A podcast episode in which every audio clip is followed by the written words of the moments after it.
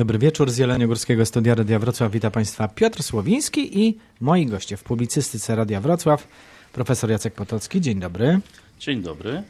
I Grzegorz Sokoliński, lokalna organizacja turystyczna w Szklarskiej Porębie, przedsiębiorca funkcjonujący w branży turystycznej. Ile lat? 30 już będzie. Który dużo widział na pewno i widział wiele zmian. E, panowie, e, usłyszałem ostatnio e, takie opinie, że turystyczne miejscowości uzależniły się od tego jednego przemysłu, jakim jest turystyka, nie szukały innych rozwiązań i w związku z tym teraz mają poważne kłopoty, także budżetowe. Świeradow już informuje, że zabraknie 3 milionów złotych i trzeba wziąć pożyczkę, żeby zapłacić nauczycielom wypłaty. To znaczy, że jest źle. E, można było spróbować dywersyfikować, takie trudne słowo, ale znaleźć inny, inne źródło dochodów? Grzegorz Sokoliński? O tym to chyba mówią dywersyfikanci albo dywersanci. E, prawda jest e, złożona. Generalnie musimy popatrzeć na to e, w ten sposób. Świat się zmienia i turystyka, i profil, i oczekiwania turystów się zmieniają. A jeżeli chodzi o nasze miejscowości, ja posłużę się przykładem Szklarskiej Paręby. Mało kto wie o tym, że do 90 roku, według klasyfikacji Gusowskiej, to my tak naprawdę byliśmy przed miastem przemysłowym z garnizonem wojskowym. Patrzymy na to, skąd ludzie mieli główne źródła dochodu, mieszkańcy. Więc wymienię po kolei. Huta Julia, 1200 pracowników. Nie istnieje. Nie istnieje. E, drugim pracodawcą był EWP. E Można powiedzieć, że to jest związane z branżą turystyczną. Okej, okay. tyle tylko, że to była e, firma, która miała akurat w Szklarskiej potężną grupę remontowo-budowlaną, która dzisiaj byłaby średniej wielkości przedsiębiorstwem budowlanym. Potężne zaplecze magazynowe, administracyjne. Czyli tak naprawdę tych ludzi bezpośrednio w turystyce niewiele pracowało. Następnym pracodawcą potężnym było Nadleśnictwo Szklarska Poręba, która Istnieje. zatrudniało, tak, tylko zatrudniało 700 osób. To drwale, kierowcy, yy, ci, którzy byli yy, z końmi, bo to była potężna też e, e, ilość koni, która była pod potrzeby zrywki. 700 osób, jedno z największych nadleśnictw w Polsce. Następnym pracodawcą były kopalnie. Jelniogórskie kopalnie surowców mineralnych. Ponad 500 osób. Do tego trzeba dołożyć następnego potężnego pracodawcę wojsko. W, Szklarskiej, w Szklarskiej to, Co Państwo był... zrobiliście z tym wszystkim, że tego nie ma? Y, można powiedzieć w ten sposób, że y, to wojewoda, prywatyzując, tak, y, Hutę Julię. Nieszczęśliwie absolutnie. Absolutnie, to jest raz. Jeżeli chodzi o JKSM, też sprywatyzowany. Nadleśnictwo, ponieważ formuła Świat obsługi się zmienił, lasów to jest zmienił to, co się, tak jest, no i w związku z tym nadleśnictwo istnieje, ale to jest około 50 pracowników. Wojsko, no cóż, zlikwidowano i też odeszło. Nie ma nie ma y, WOP-u, czy później to już nie wojsko, tylko Ministerstwa Spraw Wewnętrznych, bo Straż Graniczna to już y, formacja nie wojskowa, ale wcześniej to nie była... Tylko. Nie tylko, w Szklarskiej Porębie był garnizon.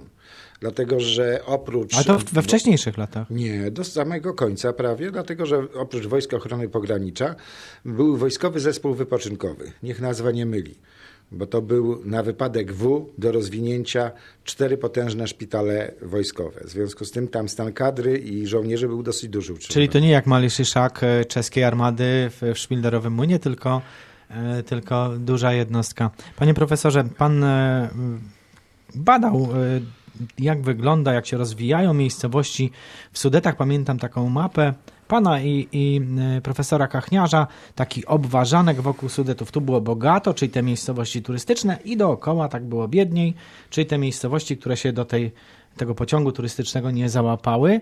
No i teraz wygląda na to, że ten sukces był chwilowy, Powiem tak, y, obawiam się, że y, zbyt łatwo wielu z nas bo ja też jestem y, aktywny w środowisku turystycznym, nie tylko nauką się zajmuję, ale także jestem y, w ścisłych władzach PTT-ku. Y, tak. Zbyt wielu z nas uwierzyło w to, że turystyka jest i będzie łatwym biznesem przynoszącym stały dochód. A prawda jest taka, że No właściwie każdy podręcznik z ekonomiki, turystyki tłumaczy, że jest to e, dziedzina gospodarki bardzo e, podatna na różnego rodzaju zakłócenia. Przeważnie mówiło się to e, o tym w kontekście jakichś zawirowań gospodarczych, politycznych, a teraz się przekonujemy, że także i czynniki zdrowotne mogą spowodować krach turystyce. Czyli to, że ktoś posiadając, umówmy się, kiosk, bo to nie był kiosk, ale mm, kiosk w Szklarskiej Porębie i z tego kiosku z pamiątkami utrzymywał czteroosobową rodzinę i dzieci na studiach, to znaczy, że on tylko dostawał premię za ryzyko, tak? Że to tak naprawdę biznes obarczony dużym ryzykiem powinien przynosić duże dochody, bo inaczej się nikt nie będzie tym zajmował. Mówię w takiej skali makro. E, I, I ten człowiek dobrze zarabiał, no ale to wszyscy widzieli, wszyscy chcieli tak zarabiać jak on, tak? I tak dalej, i tak dalej. Być może właśnie trochę tak to wyglądało i y, między innymi też y, dlatego w pewnym momencie y, różne wyższe uczelnie zaczęły otwierać kierunki studiów turystyka, czasami w dość dziwnych nawet miejscach, bo wydawało się, że to tak intratny biznes, że nic tylko się za to zabierać. A tymczasem teraz się właśnie przekonujemy, że no właśnie jest to ryzykowne. No właśnie, o czym się teraz przekonujemy, panowie? Ja bym powiedział tak. e, Każdy biznes e, niesie ze sobą ryzyko, czy w branży drzewnej, kamieniarskiej, ale także i turystycznej. Musimy rozgraniczyć tu dwie rzeczy, o których e, przed chwilą panowie rozmawialiście. Pierwsza rzecz to oczywiście trzeba się zgodzić z tym, co powiedział pan profesor, że na kanwie takiego dynamicznego rozwoju, bądź co bądź czwartego sektoru gospodarczego na świecie, przemysłu, tak się mówi, że jeżeli chodzi o kwestie dochodów, turystyka to jest czwarty przemysł, e, wiele osób, które w żaden sposób nie są przygotowane do tego. No, Rzuciły się dlatego, że no, gdzieś wyczuły dobry biznes, tak? E, I e, zaczynają świadczyć te usługi turystyczne. To jest jeden element. Ale drugi to jest taki, że jeżeli chodzi o turystykę i te miejsca, do których ludzie chcą jechać, to świat się zmienił.